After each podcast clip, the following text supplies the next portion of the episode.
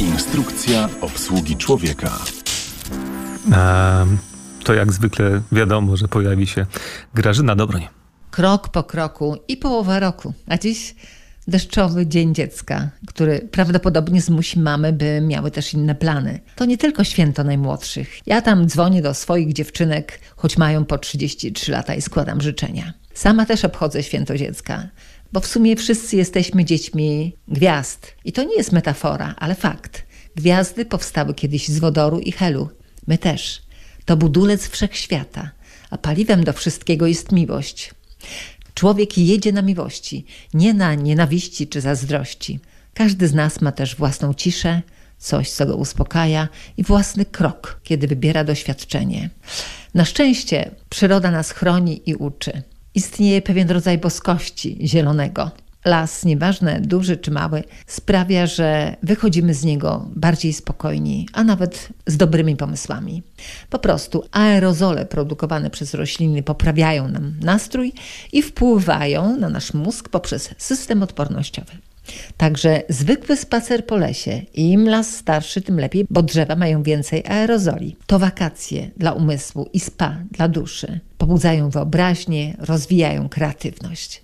A kiedy wprawimy się do ciszy, polubimy ten stan, to nawet w autobusie czy metrze będziemy umieli wejść we własną ciszę tak wiele rzeczy dzieje się w szybkim tempie. Przyzwyczajamy się do tego i wybieramy drogę na skróty, żeby było prędzej i żeby więcej można było rzeczy załatwić. Jak jedziemy samochodem, wszystko nam miga. Jeziora, lasy, krajobraz. Nie ma wiatru, nie ma zapachów pogody, zmian światła, nie bolą stopy ani plecy.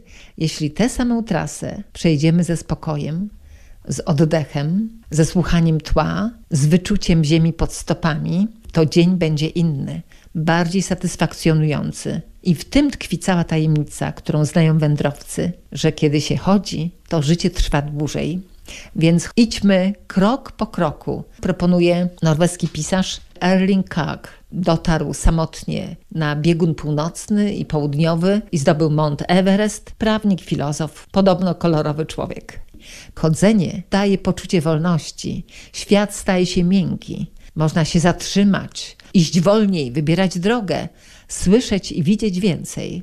A jak jedzie się samochodem, po dotarciu na miejsce człowiek ma wrażenie, że niczego nie przeżył. Są takie badania, że w Anglii 3 czwarte dzieci przebywa na dworze mniej niż więźniowie w tym samym kraju. Co piąte dziecko prawie wcale nie wychodzi na dwór, a co dziesiąte w ciągu ostatniego roku nie było w parku, w lesie czy na plaży. Czas spędza się głównie w domu przy ekranie. Rodzice wiedzą i zdają sobie z tego sprawę, ale nic nie robią w tym kierunku, żeby ukształtować nawyki u dzieci. Nawet spacer w mieście jest ważny. To jest takie zbieranie po drodze malutkich wrażeń. Tak jak las jest codziennie inny, tak samo droga w mieście zmienia się od poprzedniego dnia. W powieści Powolność Milan Kundera pisze, że istnieje tajemny związek pomiędzy powolnością a pamiętaniem, między szybkością a zapominaniem. Zdarza się, że głowa traci związek ze stopami. Na szczęście mnie to nie grozi. Ja codziennie jestem w lesie.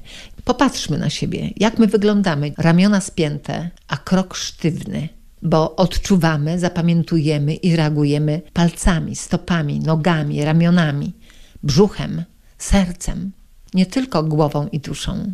Dziś na całym świecie bada się, jaki wpływ mają stopy na mózg, a nie odwrotnie.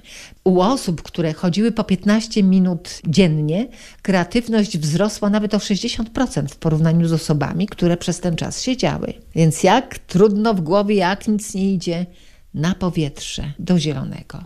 Bo świat jest zorganizowany tak, byśmy jak najczęściej siedzieli, wypoczywali. Rządom i korporacjom łatwiej nas wtedy kontrolować, gdy siedzimy. Co by się stało, gdyby rządzący zostali zmuszeni do codziennych spacerów między zwykłymi ludźmi, tak jak kiedyś filozofowie chodzili? Może zdrowe byłoby to dla nas wszystkich, bo demokracja uzależniona jest od patrzenia na siebie z bliska.